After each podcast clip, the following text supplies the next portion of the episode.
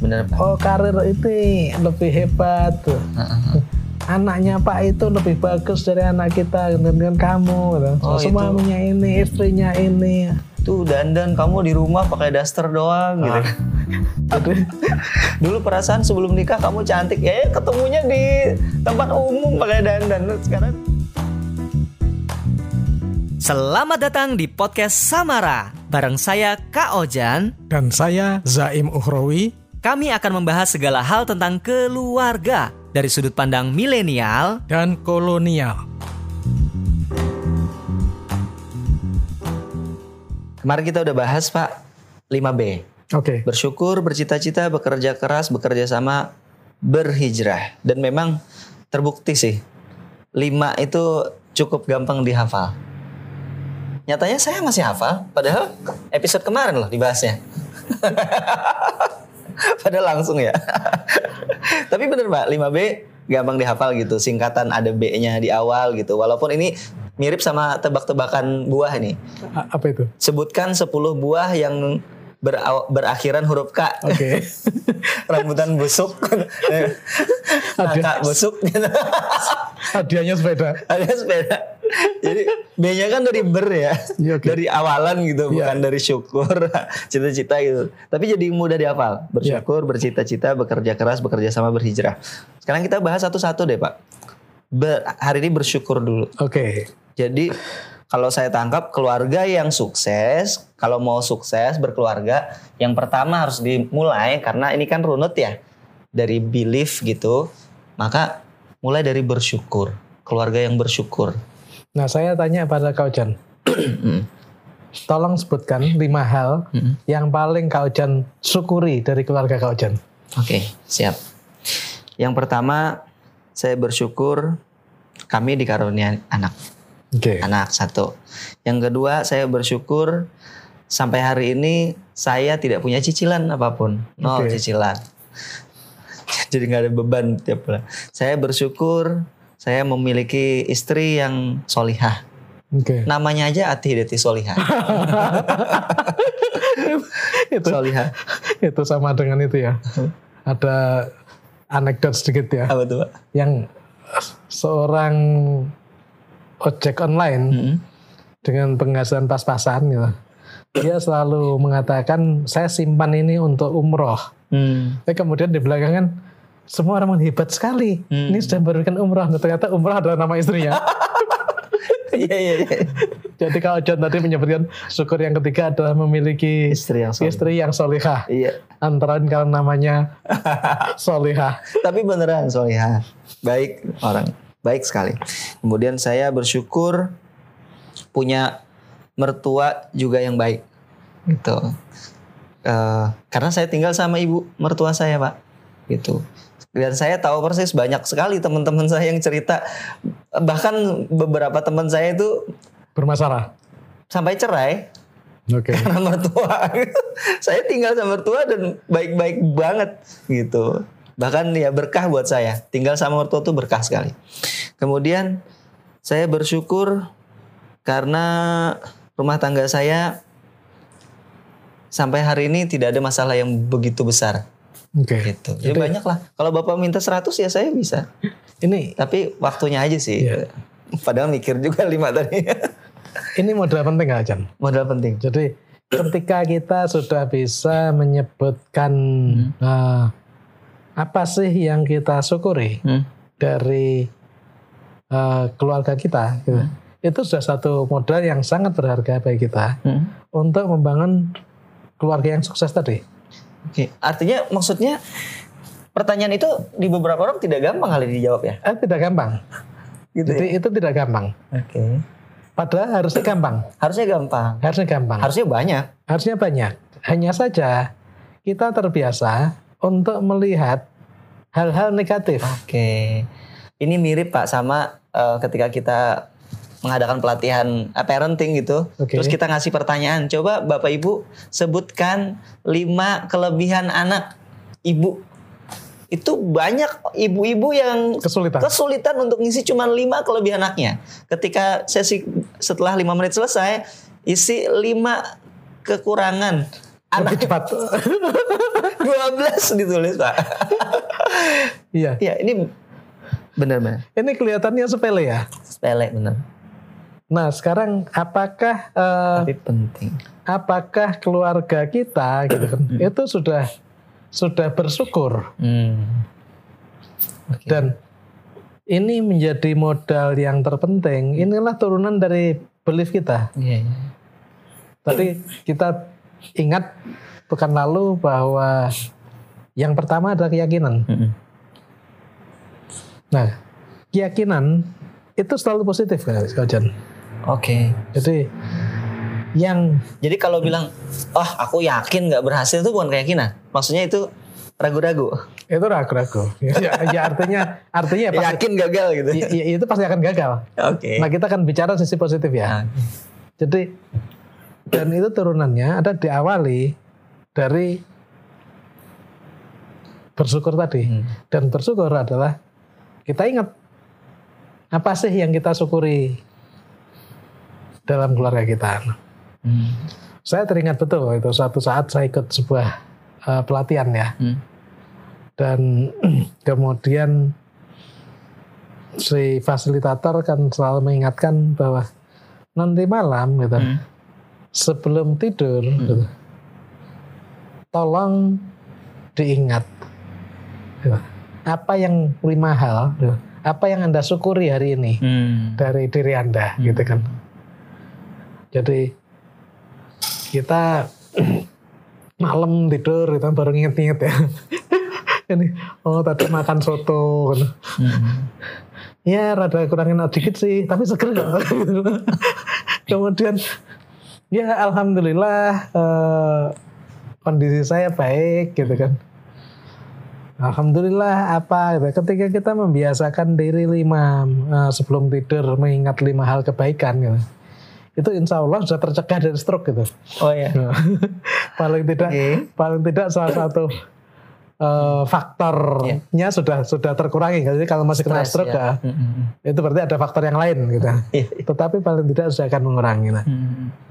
Begitu juga dalam keluarga kan ketika kita bisa mengingat lima hal dalam eh, diri kita dalam keluarga kita menjadi satu satu kebaikan maka kemungkinan keluarga tadi terkena stroke keluarga gitu yang membuat keluarga tadi menjadi disfungsi ini sudah akan tereliminasi Oke. Dimulai dari bersyukur. Saya sebenarnya bicara bersyukur itu jadi ingat anak saya. Anak saya kan namanya Atta Zada Syakir. oke ada sakirnya ya Ya, jadi Kak, yang ngasih nama istri saya. oke Saya bilang, kenapa Atta Zada Syakir? Ini sebenarnya bahasa Arab yang ya selengean lah buat nama ya. akan dipelesetin lah. Iya.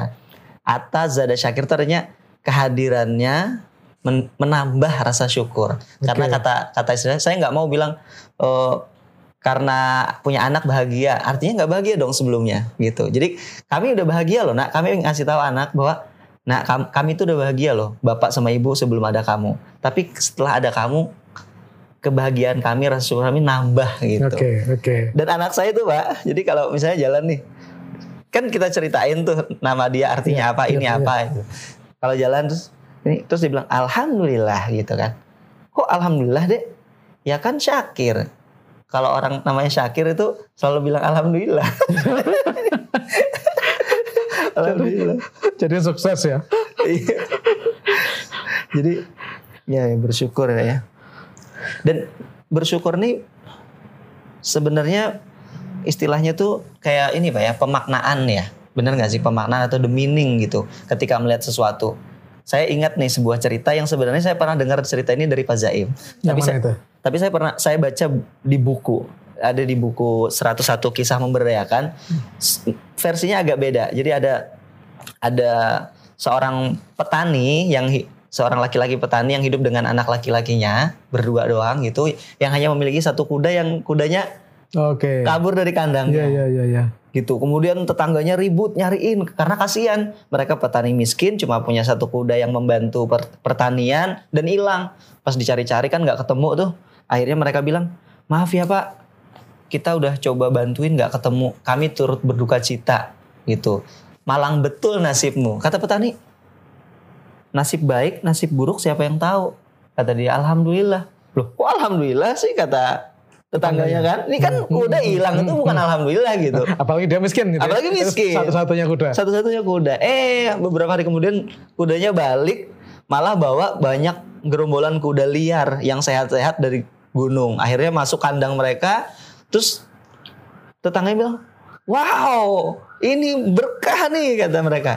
Kata dia, ya nasib baik, nasib buruk siapa yang tahu. Alhamdulillah gitu. Eh ternyata kuda liarnya banyak, harus dilatih. Anaknya ikut melatih gitu kan. Karena kata orang-orang, kalau ini dilatih dijual bisa mahal nih. Tapi harus dilatih dulu. Terus anaknya kan ngelatih kudanya karena liar, jatuh keinjek, kakinya patah. Kata orang-orang, aduh sial betul nasibmu. Kata dia, nasib baik, nasib buruk siapa yang tahu? Alhamdulillah. Kok alhamdulillah sih katanya kan? Ya anakmu patah kakinya. Ya ternyata setelah setelah itu eh, negara mereka mengalami perang, terus ada wajib militer, semua pemuda harus ikut berperang, terus semua pemuda di kampung mereka di diwajibkan perang, eh ternyata anaknya yang nggak ikut. Kata tetangganya, wah kamu beruntung banget ini katanya gara-gara anakmu kakinya patah. Anakmu tidak harus ikut berperang sementara anak kami bisa jadi mereka bisa mati di medan perang. Kata dia, alhamdulillah. Nasib baik, nasib buruk siapa yang tahu. Maksud saya cerita ini kan tentang pemaknaan, Pak ya. Iya, iya betul. Dan betul. bersyukur ini kayaknya tentang pemaknaan juga. Iya, iya. Yang saya sebut ke Pak Zaim lima hal tadi memang nyata sekali kelihatannya itu harus disyukuri. Iya, iya, iya. Tapi banyak juga hal-hal yang Yang kelihat kadang kadang seperti musibah ya. iya. Kadang se- seperti musibah, musibah bisa jadi itu juga harusnya disyukuri, Pak ya. Betul, Ya betul. nggak sih? Betul. Ini kita de- dengar yang mudah-mudahan semua yang korban Oh, Sriwijaya. uh, Sriwijaya Air mendapatkan kebaikan diterima oleh Allah Amin, gitu. amin. Tapi ada beberapa cerita yang orang gagal berangkat Ah. karena uh, swab testnya telat keluar Oh, su- wow. suratnya tuh. Itu, itu contoh ya. Dan ketika swab tesnya nggak keluar dan dia gagal, awalnya bisa jadi dia bilang ini musibah ya. Iya. Jadi dia aku harusnya sudah terbang sudah selesai di sana. Oke. dan ter- dan ternyata tidak gitu kan ini ini kan satu satu anu ya yang tidak tahu kan kita Iya, iya, iya. Nah, Artinya bisa jadi segala hal yang kita anggap ini musibah, belum waktunya aja kita tahu bahwa itu sebenarnya Betul. berkah, Pak ya. betul Bahkan Jadi- semua yang terjadi malahan ya. iya jadi eh, semua hal Mm. yang terjadi pada kita ini bisa kita syukuri itu kalau tadi eh, apa tadi syukur sebagai satu pemaknaan Iya, iya, iya. Tetapi di luar yang memaknai yang eh, sekarang musibah pun, yang positif saja sebenarnya dalam hidup kita tuh banyaknya banget. Iya, iya, iya. Nah kita sering sering melupakan itu. Iya, iya, iya. Nah ini yang kemudian eh, mengapa awal petaka gitu ya? Mm. Karena kita, kemudian kita melupakan hal-hal positif dalam dalam kehidupan kita. Inilah Mm. mengapa penting bersyukur menjadi hal pertama. Artinya rumah tangga kalau mau sukses harus eh, apa namanya semacam melis kali ya. Di di tengah misalnya saya saya juga misalnya gini pak. Saya juga mengakui bahwa bisa jadi banyak rumah tangga tidak se, dalam tanda kutip ya menurut mereka tidak seberuntung lu lu bisa cerita begitu tadi Iya, kan bilang nggak iya. ada cicilan tiap bulan Ya, saya cicilan misalnya kata dia 10 juta dan sekarang saya di PHK. Apa yang saya syukuri? Iya kan? Kayaknya wih Pak Zaim kan bisa cerita bersyukur-bersyukur ya Bapak kan sukses gitu Iya, kan. iya, Anak iya, Bapak dua-duanya kuliah di luar negeri, Bapak punya rumah eh, banyak gitu. Bapak punya istri yang sukses juga di karir. Lah saya gitu kan. ya, ya. Gimana tuh Pak? Tapi kan eh, kita harus ingat pada sebuah eh, pembelajaran paling klasik. Mau lihat ke atas atau melihat ke bawah? Ah, Jadi selama kita selalu melihat ke bawah, Mm-mm. gitu kan, maka rasa syukur pasti akan selalu timbul. Hmm. Jadi mungkin kita merasa sedang malang ini ya. Tapi ternyata ya nggak malang-malang amat gitu kan. Banyak sekali yang lebih dari kita dan dan nggak apa-apa juga. Hmm. Hmm, misalnya seperti itu. Dan kemudian juga kita harus yakin juga bahwa apa yang terjadi pada kita gitu kan. itu adalah bagian dari proses belajar kita untuk menempa kita Hmm. gitu kan itu yang kadang eh, saya sampaikan eh, pada teman kita pada Mas Yoga misalkan kelebihan dia apa gitu. karena dia tidak memiliki materi cukup di keluarga ini Nah, ini kemudian dia memiliki etos Hmm.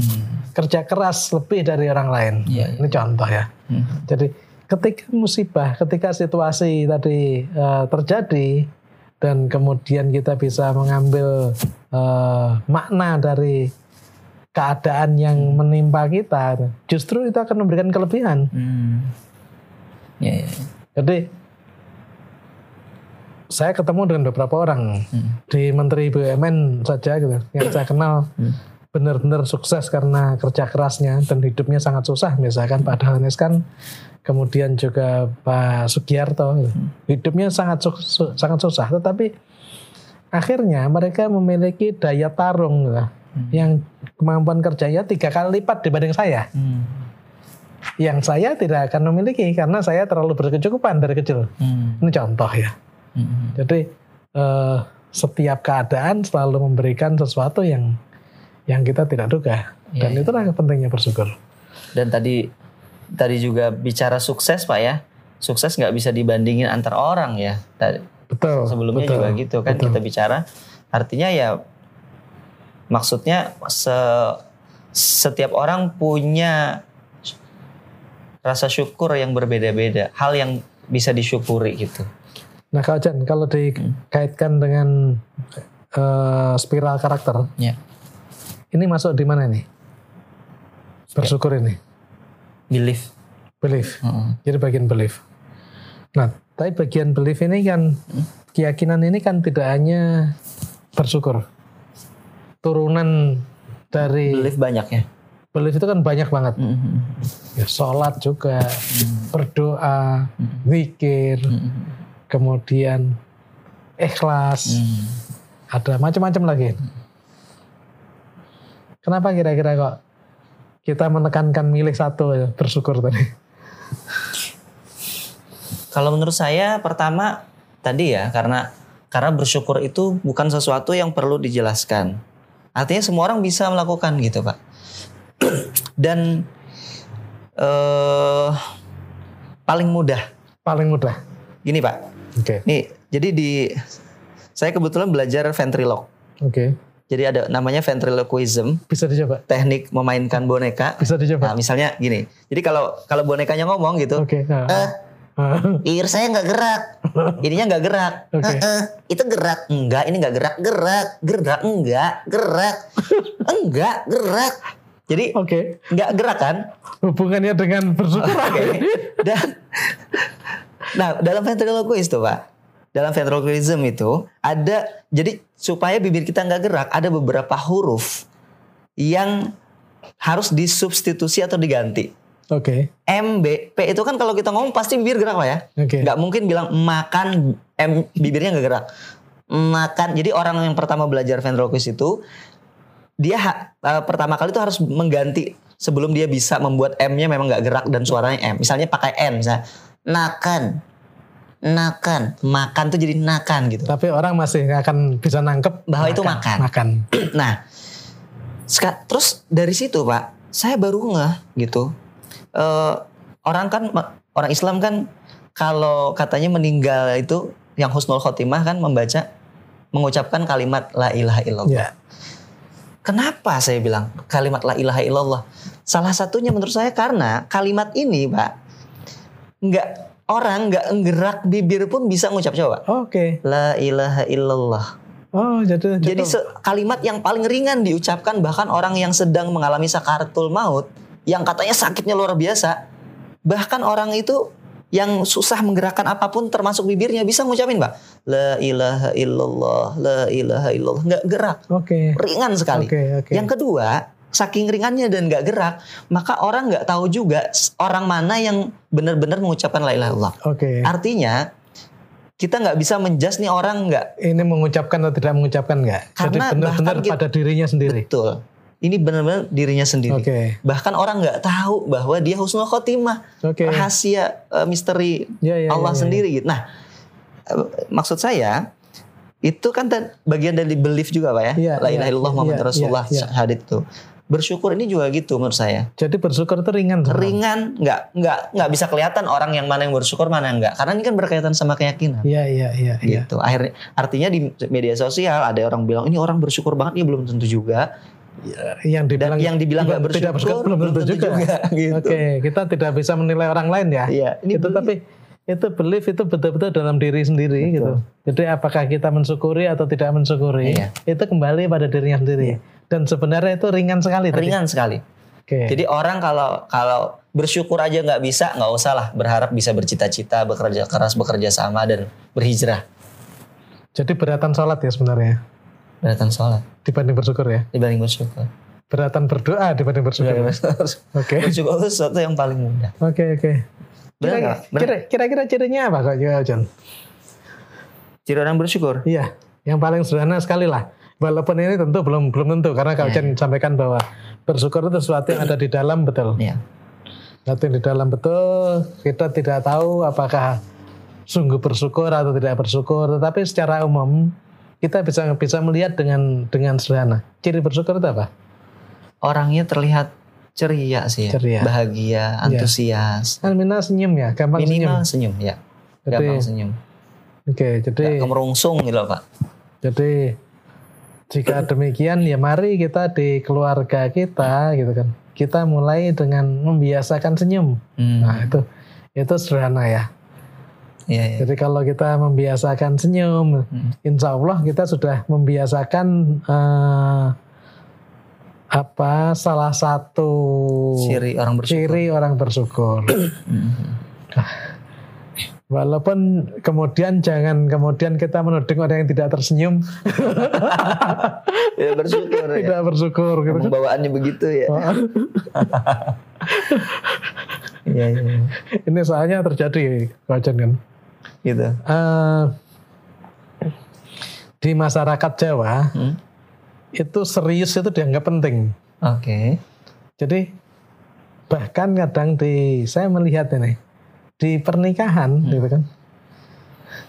Orang tua ini kan saya sangat bersyukur anaknya menikah dan dia bahagia betul. gitu. Iya, iya, iya. Tetapi ketika di foto, kata, dibilang senyum mbak senyum gitu. karena karena dia tidak ingin kelihatan tidak serius. Oke. jadi jadi senyum sulit sekali walaupun sekarang aman di musim covid itu kan semua kita nggak perlu senyum pakai Masker.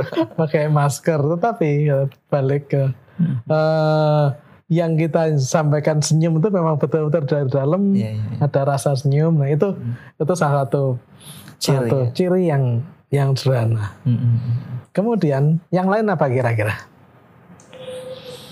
Selain bersyukur, eh senyum ya. senyum ah. Selain senyum, orang tadi sudah disebutkan sekilas ekspresinya seperti apa wajahnya eh, bahagia, antusias, iya wajahnya gembira ya gembira. jadi keningnya tidak berkerut lah Hmm. Gitu kan. Hmm. ini ini yang kita juga perlu latih ya Hmm. karena dalam hidup kan selalu ada masalah Iya, iya. tidak ada hidup tanpa masalah Iya, iya. nah apakah kemudian nah, kening kita gampang berkerut atau tidak gitu kan Iya, iya. ketika kita sudah bisa menjaga agar kening kita tidak gampang berkerut itu sudah satu satu ciri lagi yang kita kita miliki bahwa oh insya Allah bahwa kita adalah pribadi yang bersyukur Hmm. ya sebenarnya kalau ini paling gampang dilakukan sama orang merah, Pak. Orang hijau dia cenderung mengg- sama orang kuning gitu kan, serius ya kan.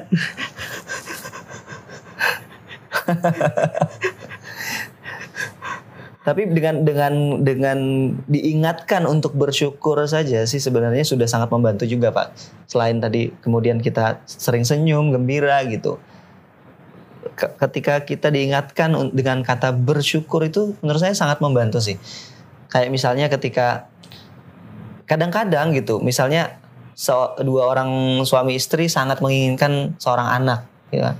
Ketika dia pertama dapat anak tuh ber- kelihatan sekali bersyukurnya. Tapi lama-lama rumahnya berantakan, dia tidak melihat bahwa itu berantakan tuh karena dia punya anak dan dia harus bersyukur karena rumahnya berantakan gitu. Iya kan? Misalnya, lama-lama lupa gitu. Iya, iya, akhirnya iya. melihat bahwa berantakan ini musibah. Lah yang pengen punya anak siapa? Iya iya iya. tapi tapi uh, sebelum ke sana Ya. ada ciri ketiga lagi ya Chan. Berterima kasih Kak Chan. Oke, iya iya iya. Jadi ketika kita gam- Ungkapan. uh, gampang mengucapkan berterima kasih gitu. Walaupun ekspresi berterima kasih beda-beda. Hmm. Karena di beberapa uh, Kultur. kultur itu tidak verbal. Ya. Biasanya di kultur yang uh, lebih tradisional Hmm. itu tidak verbal. Tidak verbal ya. Berterima kasihnya kemudian dengan dengan tindakan. Sementara di kultur urban gitu kan, itu lebih verbal. Ya. Tetapi apa pun, apakah eh, mau kultur tradisional dengan tindakan atau kultur urban yang lebih verbal gitu. Tapi berterima kasih itu menjadi satu Hmm, ciri ya. satu ciri. Jadi kalau orang gampang eh, berterima kasih, ini berarti orang ini rasa syukurnya memang tinggi. Hmm. Jadi kalau tadi kita kita banyak senyum, gitu, kita cukup senyum, kita cukup wajahnya menampakkan gembira, kening tidak berkerut, kemudian juga banyak berterima kasih. Nah, insya Allah Hmm. itu aspek bersyukurnya lumayan lumayan kuat. Kuat ya. Iya. Dan itu jadi pijakan utama untuk sukses di rumah tangga. Betul. Nah, kalau kita kaitkan dengan warna apa? Dengan warna otak nih, Biru. biru. Kenapa biru? Karena biru itu yang berkaitan dengan kedamaian, eh, kemudian ketenangan, gitu pak. Ya, Iya kan? ya, ya. Nggak mau ada konflik. Orang bersyukur kan damai, tenang. ya. Dan bersyukur itu nggak perlu pakai mikir untuk bisa bersyukur itu. Karena ringan tadi. ya. Karena ringan. Ya, ya, ya. Iya nggak sih pak? Ya, betul. Jadi berarti kalau mau bersyukur menguatkan biru pak ya. mengeluarkan biru. Itu yang kemudian eh, saya juga masih belajar ini Mhm. pada teman-teman yang kuat gitu. Mhm. Ya antara pada teman kita, pada Mas Yoga tadi kan. Mhm. Suatu saat yang dia kehilangan pekerjaan Mhm. yang sudah memberikan kepastian penghasilan setiap Bulan. bulan. Tapi saya tidak melihat ada sebuah ekspresi yang kemudian apa ya muram enggak gitu kan. Dan kemudian suatu saat ketemu saya dan saya lagi keperlu eh, tim lagi dan saya tawarkan sebuah pekerjaan itu kalimat pertama yang disampaikan adalah nanti eh, kalau bapak merasa nggak cocok dengan kerja saya beritahu saya saja Hmm. untuk ya, saya siap berhenti. Saya bilang, ini ini orang butuh kerjaan gitu kan, tidak berusaha meyakinkan gitu, tidak berusaha meyakinkan saya, tapi dia justru menawarkan suatu kondisi yang membuat saya sendiri nyaman. Iya iya. yang itu yang membuat saya makin tertarik untuk meng-hire dia ya. Iya iya. iya. Nah ini Tidak berusaha dengan sekuat tenaga meyakinkan bahwa saya ini orang yang capable gitu Nah, ya. tidak, tidak. Jadi tapi dia dia justru dengan sikap positifnya saja bahwa saya akan bantu apa yang saya bisa bantu, tapi kalau nanti ternyata saya tidak relevan, tidak kompeten, Iya. langsung saja beritahu Tidak saya usah nggak enakan ya. nggak usah nggak enakan dan sebagainya. Nah ini ini yang eh, modal yang luar biasa dari bersyukur gitu. Hmm. Dan ternyata gitu itu mengantarkan Mas Yoga pada sebuah kesempatan baru Hmm. gitu kan, yang eh, dia tidak akan memiliki waktu gitu kan sebelumnya kalau itu. Nah balik di keluarga Hmm. kalau setiap individu di keluarga tersebut ada suami, istri, anak-anak saling mensyukuri kehadiran dari Hmm. anggota keluarganya gitu. Pasti nggak sempurna semua ya, nggak ada orang sempurna ya. Tapi ketika kita paling mensyukuri dari dari seluruh eksistensi dari semua orang bagian keluarganya, ini yang kemudian akan menumbuhkan nah, modal utama yang membuat keluarganya makin bagus, makin bagus, makin bagus. Jadi Karena karena barang siapa yang bersyukur maka akan ditambah ya pak. betul, Wah, iya. Nggak tahu ditambah apa yang ditambah kebahagiaan, ditambah Ditambah rasa syukur yang jelas. Iya, dan tadi karena juga kita menjadi nggak kebebanan apa-apa, menjadi rileks. Kita juga menjadi lebih rasional kau Jan. Oh lebih rasional. ya. Artinya Karena ketika lebih tenang ya. lebih tenang, kita melihat peluang-peluang yang ada juga lebih bisa. Hmm. Ya ya. Tetapi kalau kita sendiri sudah terbalut oleh kufur kita gitu kan, Hmm, hmm. ini kan luar biasa. Iya Efeknya akan menurunkan kita. iya iya. Nah, orang menyebutkan kan rumput tetangga lebih hijau Iya iya. Nah kita sendiri kan cenderung itu, itu godaan terbesar. Benar benar. Apalagi zaman sekarang loh ya. Iya iya. Benar Pak. Oh karir ini lebih hebat. Heeh. Anaknya Pak itu lebih bagus dari anak kita dengan kamu. Gitu. Oh, Suaminya ini, istrinya ini. Tuh dandan kamu di rumah pakai daster doang gitu. Jadi Dulu perasaan sebelum nikah kamu cantik ya ketemunya di tempat umum pakai dandan. Sekarang di rumah. Di dalam rumah. kemudian dibalas juga loh misalnya kan. Eh, Dulu rasanya kamu ganteng ternyata mendengkur. Iya iya. Nah, ini kan bisa masalah. Dan itu tidak bersyukur ya. Kita tidak bersyukur. Iya, iya. Bahwa kadang terga, kita terganggu dengan daster, kita terganggu dengan dengkur dan sebagainya, ya nggak apa-apa diomongin aja gitu. Iya, iya. Tetapi itu tidak membuat kemudian Hmm. kehilangan rasa syukur, Iya. karena ada banyak sekali kebaikan yang lebih yang membuat kita harus terima dengan itu.